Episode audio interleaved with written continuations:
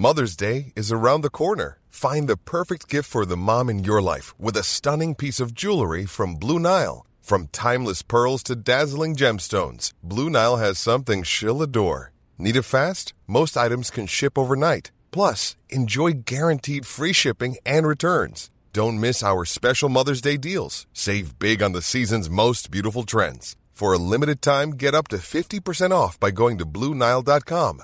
That's BlueNile.com. I'm Sandra, and I'm just the professional your small business was looking for. But you didn't hire me because you didn't use LinkedIn jobs. LinkedIn has professionals you can't find anywhere else, including those who aren't actively looking for a new job but might be open to the perfect role, like me. In a given month, over 70% of LinkedIn users don't visit other leading job sites. So if you're not looking on LinkedIn, you'll miss out on great candidates like Sandra. Start hiring professionals like a professional. Post your free job on linkedin.com/people today. Burrow's furniture is built for the way you live. From ensuring easy assembly and disassembly to honoring highly requested new colors for their award-winning seating, they always have their customers in mind. Their modular seating is made out of durable materials to last and grow with you.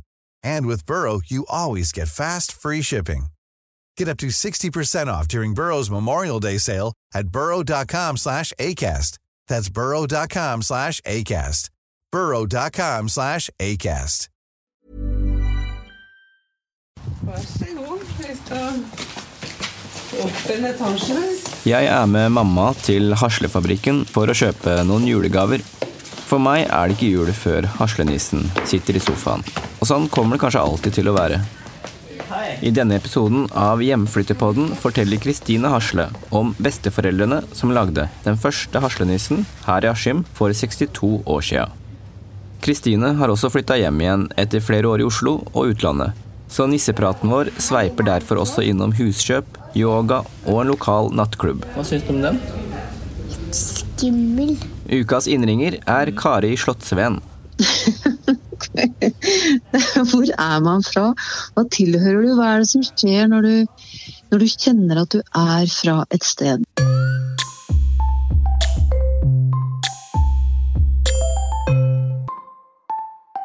Velkommen, Kristine Hasle. Tusen takk. Hvor kommer du fra? Jeg er fra Askim. Kan du si litt om hva som prega barndomsåra og ungdomsåra i Askim? Eh, Jeg vokste opp i, på Tårnerud, hvor det var veldig mye unger på samme alder. Masse venner, masse lek ute. Eh, Ridning, speider, dans, ballett. Ja, såpass. Mhm. Det var mye forskjellig. Ja, mye forskjellig. Var det noen av tinga som blei en en større favoritt enn andre ting? Eh, Etter hvert eh, ble dansen det jeg holdt på med. Det holdt jeg på med lenge. Hva slags dansetilbud var det da? Da var det Limonas ballettskole som hadde undervisning oppe i parklokalet i Askim. Eh, Ja. ja. Det som brant ned?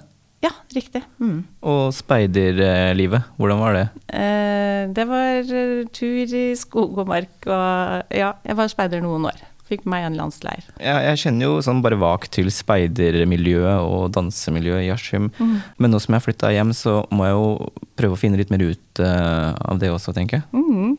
Har du noen egne barn som er aktive i noen av de miljøene i dag? Eh, Jeg har eh, en tolvåring som er veldig aktiv på Askim rideskole med fòrhest og ridekurs. Og så har jeg en 14-åring som går på danseskole, Rubis dansestudio i Askim. Ja. Hvor ligger det? Ved Haugomsenteret. Så det er fortsatt liv i Haugomsenteret? Ja, der skjer det jo mye nå. og Den danseskolen er jo helt fantastisk. Der er det to unge, flinke jenter som driver danseskole. Ja. Mm. Og det var der politistasjonen lå før. Eh, Ja. Mm. Og speider. Og speider, ikke minst. Har du noen erfaringer derfra? ja. ja. Uh, alle som var unge på 90-tallet, har erfaringer fra speider, tror jeg. 80-90-tallet. Mm. Hvordan er det du husker speider? Fullt av folk og eh, mye dans og utekvelder. Ja, vi var der. Og vi var heldige som hadde det tilbudet da vi var 18-19-20 eh, osv. For det mangler i dag. Ja, Så du var veldig glad i det miljøet og den klubben? Ja. Ja. Vi var der. Alle vennene mine var der eh, ofte. Mm. Ja. Ja, for det er noen år mellom oss. Så, Ja. så jeg var vel ungdom på den nedgangstida til okay. speider, regner jeg med? Ja, nei, det var gullalderen, tror jeg, kanskje rundt 90 da.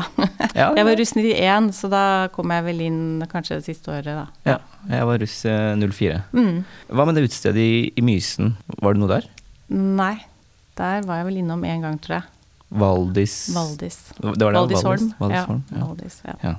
For det er jo ganske nært geografisk, men kulturelt fjernt, på en måte. Jeg vet ikke, jeg hadde mine venner eh, på speider. Nei, men det, og det er jo litt sånn delt, fordi eh, vi som går på videregående, eller gikk på videregående i Askim, hadde gjerne vennene våre her, og så var det de som gikk på videregående i Mysen, som hadde på en måte de Trøgstad, Marker eller Ørje, Rakkestad som gikk på skole der. Så det var jo litt delt i forhold til hvor vennene våre bodde. Mm. Mm. Grunnen til at du er her i dag, er jo for at jeg har lyst til å lære mer om haslenissen. Ja. Det er jo da et eh, produkt og eh, en merkevare som jeg iallfall forbinder veldig med Askim, og som veldig mange andre gjør. Og haslenissen er jo for veldig mange nordmenn den ekte norske nissen. ja, ikke sant? Fortell litt om hvordan haslenissen blei skapt. Ja, det var besteforeldrene mine, Arne Hasle og Solveig Hasle, som lagde de, og de er, det er over 60 år siden eh, at de første haslenissene ble laga. Bestemor var utdanna ved Statens kunst- og håndverksskole, og bestefar satt og lagde modellerte ansikter og støpte i plast. Så sammen så ble de, altså de samarbeida om å lage haslenissen, da. Hvor kom ideen fra, vet du det?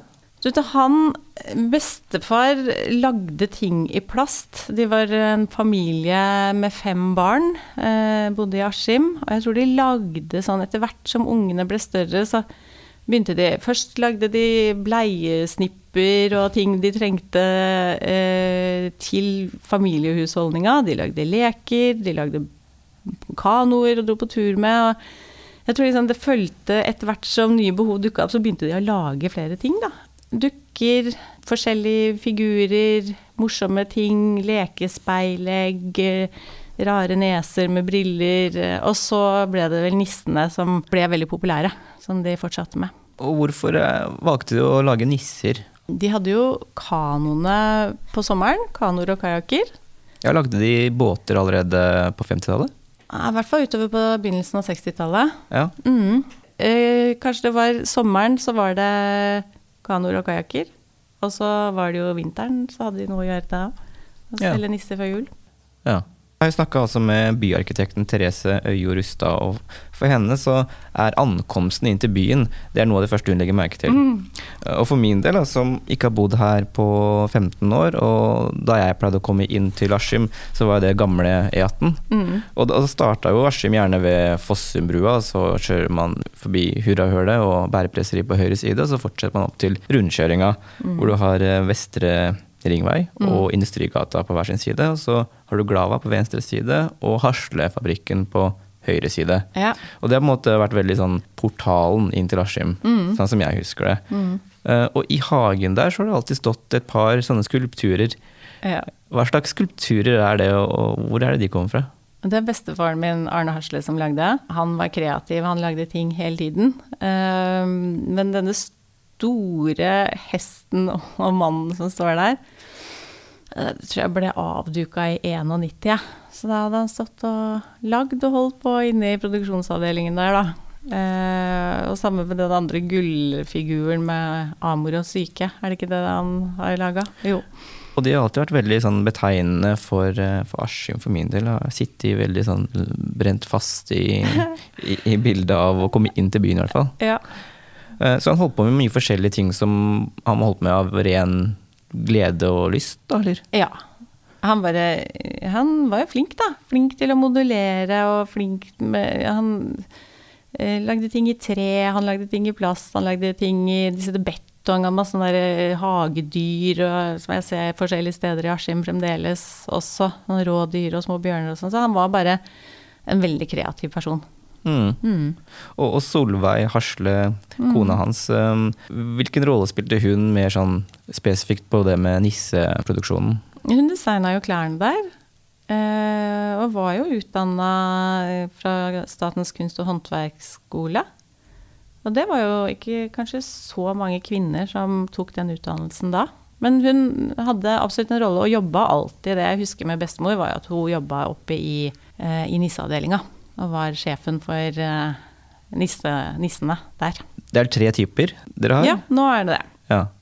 For, har det vært flere typer før? Fordi nå skal jeg bare se om jeg får dette rett. Det er smånisser 30 cm, fjøsnisser på 40 cm og nissegubber på Ja. 50 cm. Det, er de- Ja. det er de tre typene Ja. dere har i dag. Har det vært noen andre? Ja, vi hadde jo større. Vi hadde en eh, på 60 cm stor nissegubbe, og så var det en kjempenisse på hele 70 cm. Så de var jo ganske store. Ja. Ja. For den på 70, det, den tror jeg eh, mamma har. Ja. Fordi det er en sånn historie i min familie om at eh, min søster hadde en kjæreste fra England en periode. Okay. Og da han var på besøk i jula, så skremte den nissen livskiten ut av han. Eh, og jeg dobbeltsjekka det i helga for å finne ut om det stemte. Ja. Eller om det bare var en skrøne. Ja. Og de bekrefta det, at han blei oppriktig redd for den store nissekjempen. ja. Har du fått noen andre reaksjoner på, på det? På det med utseendet på nissene? Er det noen som har reagert på at de ser litt uh, skumle ut? Ja. ja, det er eh, noen som syns de ser skumle ut. De er jo ikke den søte Jo, den lille, minste er veldig søt, da. Eh, De store kan jeg kan forstå at de ser litt skumle ut, men samtidig så Noen syns de er skumle, andre syns at det er det her som er eh, den ordentlige nissen. Som de helst vil ha framme fortsatt. Ja, Hvor tror du det kommer fra? At, At det de ser skumle ut? Ja, eller begge deler. La oss ta først det med skumle, da. Hvorfor, hvorfor syns du det, de, de ser skumle ut? Hva de, er det med uttrykket? De er jo ikke modellert sånn veldig øh, vakre. Altså det er veldig mange sånn dukker og sånn som er sånn søte, milde. Disse her er mer sånn mangler tenner og er øh, Ja, det har jo mye karakter, egentlig. Ja, er det mer øh, inspirasjon henta fra sånn norsk eller nordisk folketro og folkeviser, eh, tenker du? På disse nissene som gikk rundt og kunne finne på ugagn hvis ikke du var snill mot dem på gården? Jo da, de kan jo De, de ser jo ut som eventyrfigurer, ikke sant. Eh, og de hadde veldig mange forskjellige De hadde fem forskjellige hoder på disse store nissene. De var jo veldig De hadde jo forskjellige uttrykk alle sammen. De minner litt mer om Ivo Caprino-figurer enn de man finner på Nille eller Kid i dag. Ja, kanskje det. Noen store trekk. Si litt mer om bekledningen og, og hvordan de ser ut. For jeg, de jeg har tatt med i dag, de har jo begge islendere, begge to. En eh, lys og en rød. Uh, og dette er vel fjøsnissene?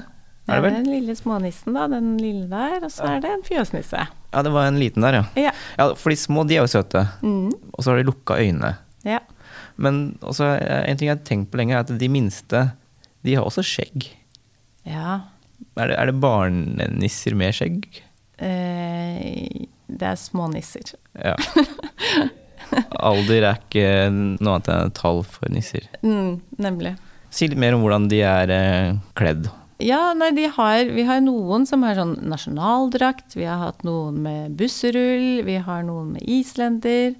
Um, vi har I år så turte vi ikke å dra innom uh, Solberg spinneri for å sende ned stoff. Det, ble, det var korona, det var veldig mye som plutselig skjedde.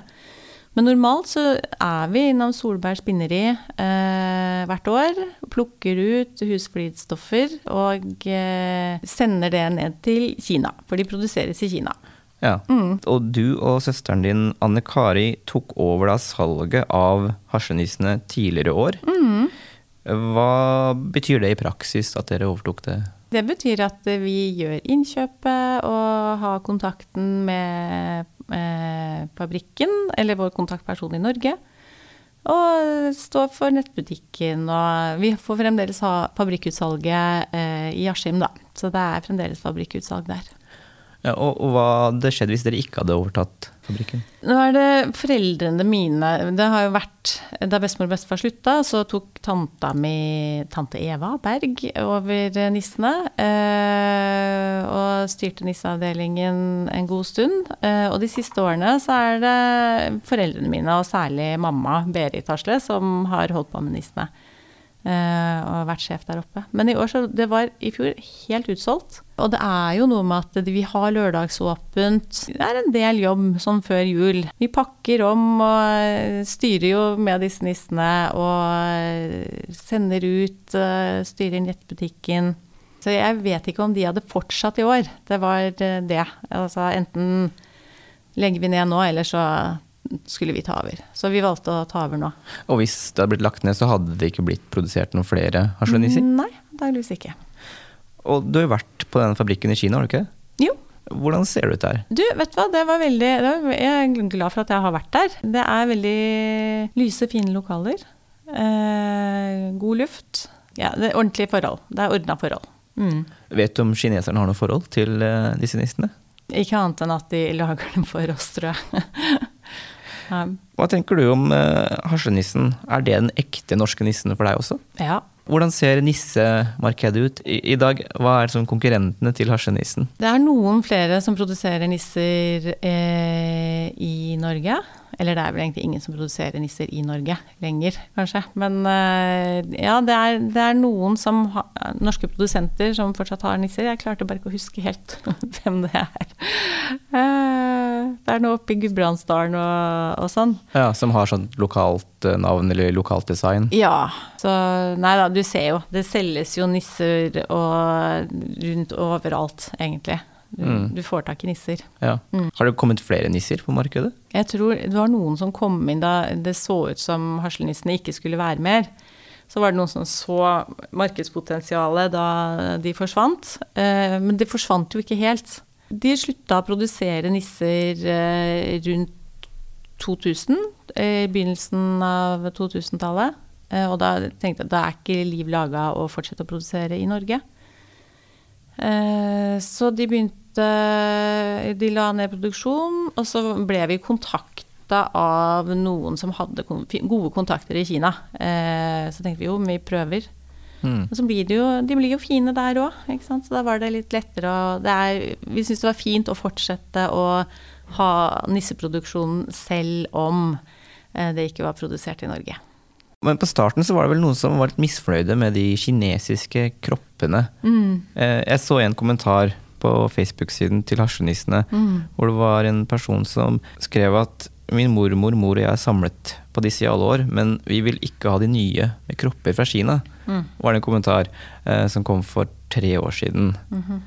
hva, hva, menes med det, tror du? Hva var forskjellen på de som kom fra Kina og, og de som var fra Askim-fabrikken fra gammelt av? De er egentlig lagd på ganske samme lest. Eh, de smånissene har mer sånn plastikk i kroppen istedenfor bare skumgummi, så det er jo egentlig nesten mer for seg gjort. Um, men så er det også litt sånn Det, det var jo noen som plukka opp disse hasselnissene før vi begynte å produsere. Eh, sånn at det er noen som vi ser er veldig sånn fake, som vi tenkte nei, det er ikke en ekte hasselnisse. Og vi føler at de vi lager nå i Kina, er fremdeles en ekte hasselnisse. Ja. Mm. Du sier hasle? Hasle, ja. ja. Jeg bytter på.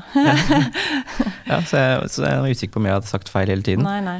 Nei, Askim sier vi jo haslenisse. Ja, vi gjør det. Ja. Um, har du sett noen trender, eh, eller uh, nye nisjer, eller innovasjon innen nissemarkedet? Etter, uh, ja, etter at flere og flere har kasta seg på, da? Altså for meg, om det er den amerikanske versjonen eller om det er uh, norsk med islender og rød Jeg ser mer noen trender på at ett år skal alt være rosa og hvitt, og neste år så skal det være brunt og grønt. At det blir på en måte andre trender enn nissene uh, som folk vil julepynte med.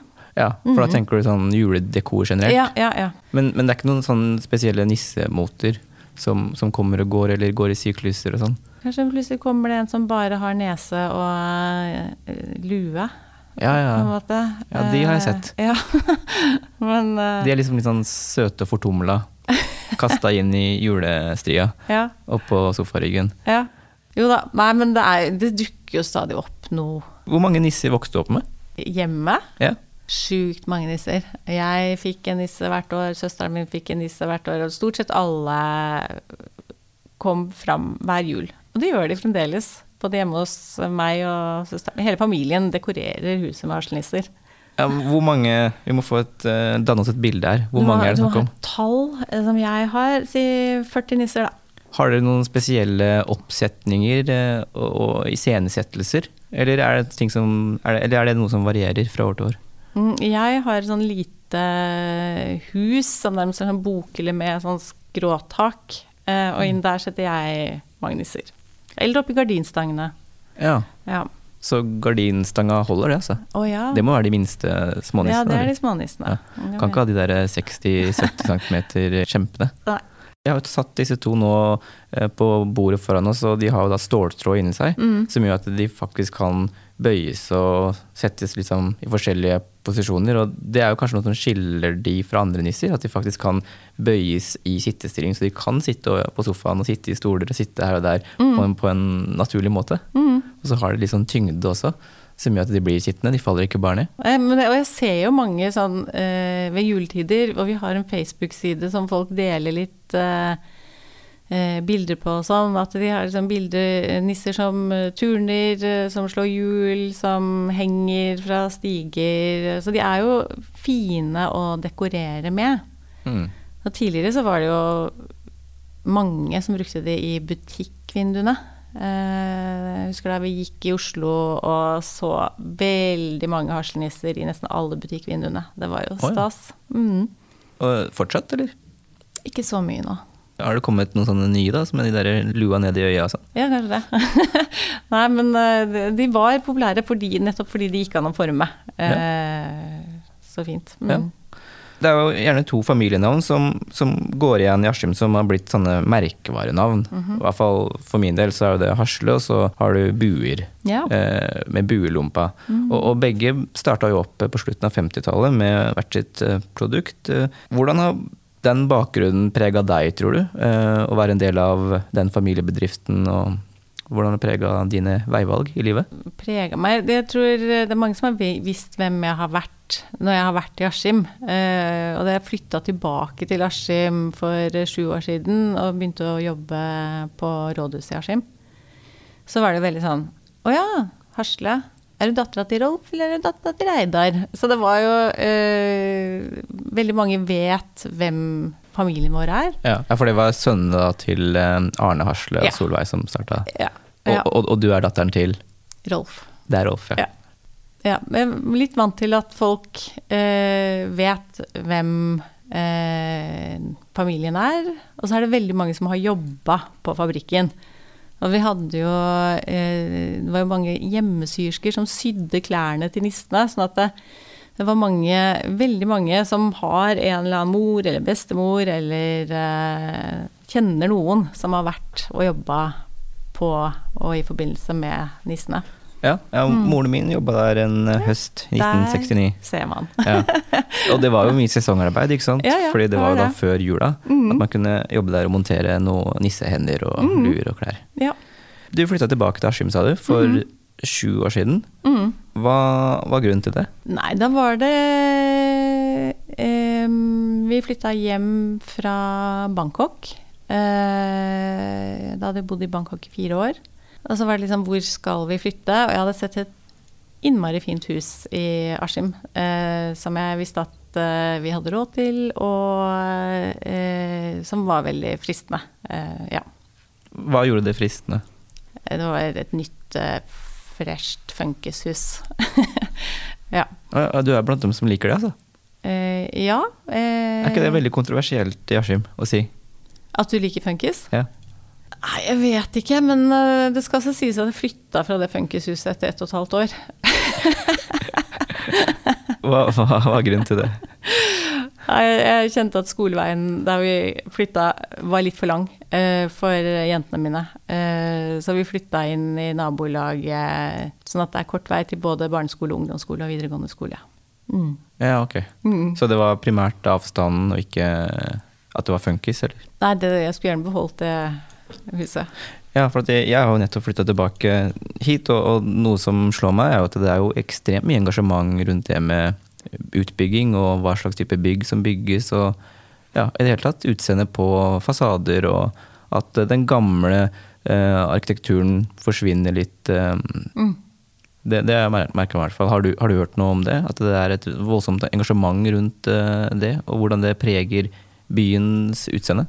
Ja, og jeg tenker jo at eh, noe nytt må til nå eh, for å videreutvikle Askim. Og så er det veldig fint at man klarer å beholde noe av den gamle bebyggelsen. Mm.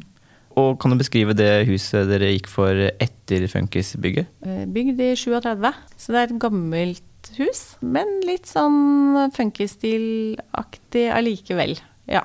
Det er nesten som det vi kjøpte. Det er bygd i 1938. Ja, Nesten samme år og gang. ja. Du har jo bodd der nå i sju år, som du sier, Mm. etter eh, flere år i Bangkok og Oslo. Er det noe du har savna etter at du flytta hjem igjen? Jeg har fortsatt ikke funnet min favorittkafé, så jeg kan savne Ja, er, vi har, eh, vi har kafeer her, men eh, jeg savner et større tilbud av kafeer. Det er en litt sånn gjenganger, er det ikke det? Mm. At man ønsker et uh, rikere kafétilbud. Mm. Hva slags kafé ser du for deg, da? Eh, et, en sånn kafé med verdens beste kaffe og eh, Verdens beste, faktisk. Ja. Det skal ikke være noe dårligere. Nei, men veldig god kaffe, og Ja. et sted man bare kan sitte og slappe av. Mm. Når vil den komme til Askim, tenker du, eller et annet sted i Indre Østfold? Har vi noe realistisk kommunal målsetting for den? Det tipper jeg kommer. Eh, Hva tenker du er de viktigste elementene for å skape gode steder? Bortsett fra kafé med verdens beste kaffe, da. Mm. Jo, ja, men jeg tror faktisk den derre eh, caffè latte-kulturen eh, At det er tiltrekkende på mange mennesker. Eh, Det jeg tror det er litt for lite tilbud til de mellom 15 og 18 år. Og også unge voksne. At man har, sånn som vi snakka om i begynnelsen, vi hadde Spider, som var attraktivt å gå på. Altså, Og litt at- skummelt. Og kanskje litt skummelt. For min del. Ja. ja. Men, men du er jo da av den litt mer røffere generasjonen, tror jeg, som eh, Nei men, nei, men tilbud til unge. Eh, og det kommer kanskje Vi er jo ikke en studentby, ikke sant. Men vi ligger jo nærme Ås. mm. Ja. Ja, det er vel 30-20 minutter med bil. 20-30 minutter med bil. Ja. Uh, Men, men hva med dine egne barn? Mm. Hva slags uh, framtidsplaner har de når det gjelder bosted og eventuell hjemflytting og Det tror jeg ikke de tenker på ennå. Nei, foreløpig har de det veldig bra i Askim. Og det for for, eh, 12- og 14-åringer så det, det er mange muligheter og fritidsaktiviteter eh, som de har foreløpig. Ja, for det er jo ikke helt uvanlig å tenke seg bort allerede på videregående. At man har lyst til å studere eller gå Ja, på en annen videregående skole. Mange ja, på, ja, vi har jo to gode videregående skoler i Indre. Men det er klart, skal de studere, så må de ut. Mm. Hva vil du si for å få dine barn til å flytte tilbake etter at de har studert, hvis det er det de velger å gjøre? Jeg tror altså det å, å flytte tilbake med barn til Askim, hvor du har et eh, hvor du har familie eh, Jeg tror det er jo de som er lette. Hvis vi ønsker å jakte på folk som skal flytte tilbake til Askim, eh, så er jo de mest nærliggende å ville flytte tilbake. De som er vokst opp her. For det er jo et fint sted å vokse opp. Mm. Du er jo nå nissemor, kan man kalle deg det? Jeg kaller meg gjerne det. Ja, eh, og næringsrådgiver. Mm. Eh, Og i tillegg så er du yoga, yogagründer. Ja, jeg er yogalærer. Yogalærer, mm. Ja. mhm. Hva er yoga for deg? Jeg tror jeg, jeg kan gå inn og være hvor sliten som helst eh, etter en lang dag. Og så går jeg inn i yogarommet, og så kommer jeg ut uansett med fornya energi. Når starta du med dette her? Var dette her noe du oppdaga i, i Thailand, eller? Ja, egentlig. Ja. Jeg begynte å trene litt yoga i Thailand, og så kom jeg hjem fra Thailand. Og da tenkte jeg hadde lyst til å gjøre noe mer ut av det. Så jeg tok en yogautdannelse. Hvor tar man den, og hvordan foregår den? Jeg tok den over et år. eh, To-tre timers eh, yogautdannelse som jeg tok i Oslo. På noe som heter Akselsons eh, yogaskole. Mm. Men er det ikke veldig mange forskjellige typer yoga? Mm. Noen hvor man skal svette voldsomt, og så er det noen som er mer sånn avslappende og spirituell. Og, mm. eh, hva slags type er det du holder på med? Eh, akkurat nå jeg, For det første, jeg underviser på Family Sportsklubb i eh, Mysen. Eh, så jeg har mye yin-yoga, som er veldig rolig Hva yoga. kalte du det? Yin-yoga. Ja. Mhm. Og da er det med musikk som er sånn svalende i bakgrunnen, Ja. og så er det langsomme tøyebevegelser, eller? Da sitter du egentlig veldig rolig i eh, nesten tre minutter i én stilling. Å ja vel, ja. Ja. Så det er mer som meditasjon, eller? ja, det kan du si. Mm. Ja, ok. Ja, for da har man jo en helt annen type yoga som jeg egentlig ikke har vært borti. Nei. Altså, jeg har jo ikke drevet med yoga, men jeg har hørt om det, Ja. og så vidt sett på det på YouTube. Mhm. Fordi jeg har noen ganger en sliten fotballkropp, og da tenker jeg alltid ja, nå skal det bra å, å unne seg litt bra yoga her og Mm. kvikne litt til. Men uh, hva, hva sier du til en som meg, da, som blir for utålmodig når han skal prøve yoga? Ja, enten så kan du prøve deg starte med en yoga som ikke er veldig rolig. Man kan liksom starte med en ashtanga eh, et ashtanga-kurs f.eks., hvor du får trent hele kroppen, og som er ganske fysisk krevende. Mm. Ja, for da er det også meningen at man skal få noe fysisk trening eller forbrenne noe, eller Man får fysisk trening, og man kan få det. Ja, muskler. Ja. ja. Hvem er det som kommer på dine timer? Hva slags eh, mennesker er det? Det er folk som har behov for bare et lite pusterom. Jeg leste i lokalavisa om noen andre som også har starta yogastudio i Askim for noen år siden. Og da hadde de blitt uh, fraråda, eller advart, om, om å starte noe sånt noe her. Eh, hva var din opplevelse med å starte eh, Kristines yogareise, som det vel het eh, i starten? Ja, ja. Det gikk egentlig Jeg fikk ganske mange med på kursene mine eh, ganske fort. Eh, men jeg har ikke mitt eget studio, da. Så jeg har vært innom litt forskjellige helsestudioer eller treningsstudioer. Og nå er jeg da på Family Sportsklubb, hvor de har et sånt godt yogarom med gode matter og fint utstyr. Ja. Mm. Har du en sånn større, langsiktig, svær, hårete yogadrøm? Ja. Fortell om den. nei. Uh, ja, nei, det, det må jeg jo se an litt på. Men et eget yogastudio hadde jo vært drømmen. Hva, hva med nisseyoga? Ja, hvorfor ikke? Har du bestemt deg hvordan du skal dandere nissen din i år? Nei. Jo, det blir nok å ta fram det huset. Jeg gjør det som jeg har gjort uh, alltid, jeg. Men får du plass til alle i det huset? Nei, det gjør jeg ikke. Nei, Vi blir, sprer, dem, vi sprer dem litt rundt, ja. ja, de skal henge litt i gardina og sånn. Mm. Ja.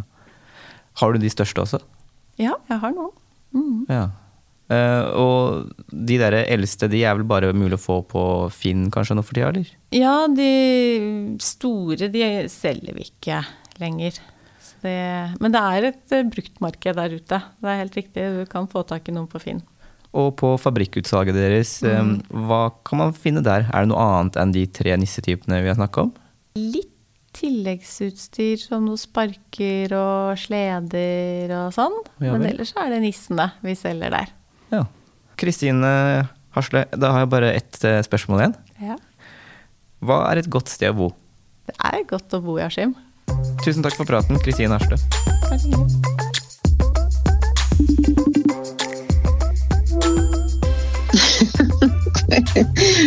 Hvor er man fra? Hva tilhører du? Hva er det som skjer når du, når du kjenner at du er fra et sted? Jeg heter Kari Slottsvenn. Jeg er frilanser og driver mitt eget lille firma etter å ha vært i NRK i 25 år, er det vel? Har det noe med familie å gjøre? Har det noe med dialekta di å gjøre? Har det noe med lynnet ditt å gjøre? Måten du går på, står på, kler deg på? Eller er det vanskelig å få tak i hva det er? Men når jeg kommer ut på Nesodden og ser disse runde svabergene, kollene med furuer, furunåler, da kjenner jeg meg hjemme. Da kjenner jeg at jeg er et, på et sted i verden der jeg kan kjenne igjen lukter og lys. Og når jeg ser utover Oslofjorden, eller for så vidt ned i Bunnefjorden på den andre sida, ser de høye furutrærne ned mot fjorden, da er jeg hjemme. Men jeg bor ikke der, og jeg kommer antagelig ikke til å flytte tilbake. Jeg var ni da jeg dro derfra, og vi flytta til Eidsvoll. ut i skogen, 4,5 km fra nærmeste kamerat, butikk, skole og andre greier. Og bodde der i ni år. Og når jeg kommer til Eidsvoll, hva kjenner jeg da? En glede over å besøke broren min, som fortsatt bor der. Jeg veit hvor det vokser sopp. Jeg kan kjenne igjen lukta av øvingslokalet i det bandet jeg sang i. Jeg kan huske at jeg ble ganske god til å gå på ski. Aldri best, det har jeg ikke vært i noe. Men ganske god til å gå på ski, og at vi var mye ute på tur. Og at vi hadde en hund. Jeg lærte å bli glad i sjøen, i havet. Og dette er Nesodden. Det lærte jeg der. Jeg lærte å ha en nærhet til familie, fordi eh, mesteparten av min familie bodde der ute, selv om de egentlig ikke kom derfra. Jeg lærte å bli glad i å gå i skogen, for det gjorde vi alltid med foreldra våre. Jeg lærte å være nøkkelbarn. Jeg lærte hvordan det er å ha foreldre som eh, ikke helt får dreisen på ekteskapet sitt. Hvilket også var med på å flytte oss, tenker jeg, til Eidsvoll. Og på Eidsvoll så lærte jeg tusen fine ting. Jeg spilte i band, og jeg var ute i naturen, og jeg gikk på skolen, men jeg lærte nok også hvordan det er å være utenfor. Utenforskapet. Det å ikke være derfra. Jeg var aldri derfra. Jeg var aldri en av dem. Jeg vokste opp på Eidsvoll i en tid der Eidsvoll var et mer lukka bygdesamfunn. Og det, den uten, følelsen av utenforskap, den var veldig, veldig sterk. Og den henger igjen ennå. Og jeg kan kjenne den igjen. Jeg lukter den. Jeg smaker den. Og jeg kan trekke meg fra den. Jeg vet at når den dukker opp, så er jeg så voksen nå at jeg kan eh, trekke meg ut. Og det kjennes bra. Et godt sted å bo, mener jeg, er et sted du opplever som trygt. På et sted som er bra for deg, så skal du også kunne gjøre nye livsvalg. Altså, du skal kunne ombestemme deg. Jeg vil ikke bo sammen med han. Jeg vil bo sammen med henne. Jeg vil ikke drive denne gården lenger. Det kan noen andre gjøre. Jeg vil bli noe annet. Jeg vil ikke gå i disse klærne lenger. Jeg vil Og så videre og så videre, ikke sant? Jeg vil endre politisk standpunkt. ikke sant? Jeg vil, vil, gjøre ting som gjør at jeg blir et friere menneske. Det tror jeg For meg er det et godt sted å bo. Og så er nærhet til naturen en del av den pakka. Jeg må være utendørs og kunne bli sliten for å være snill.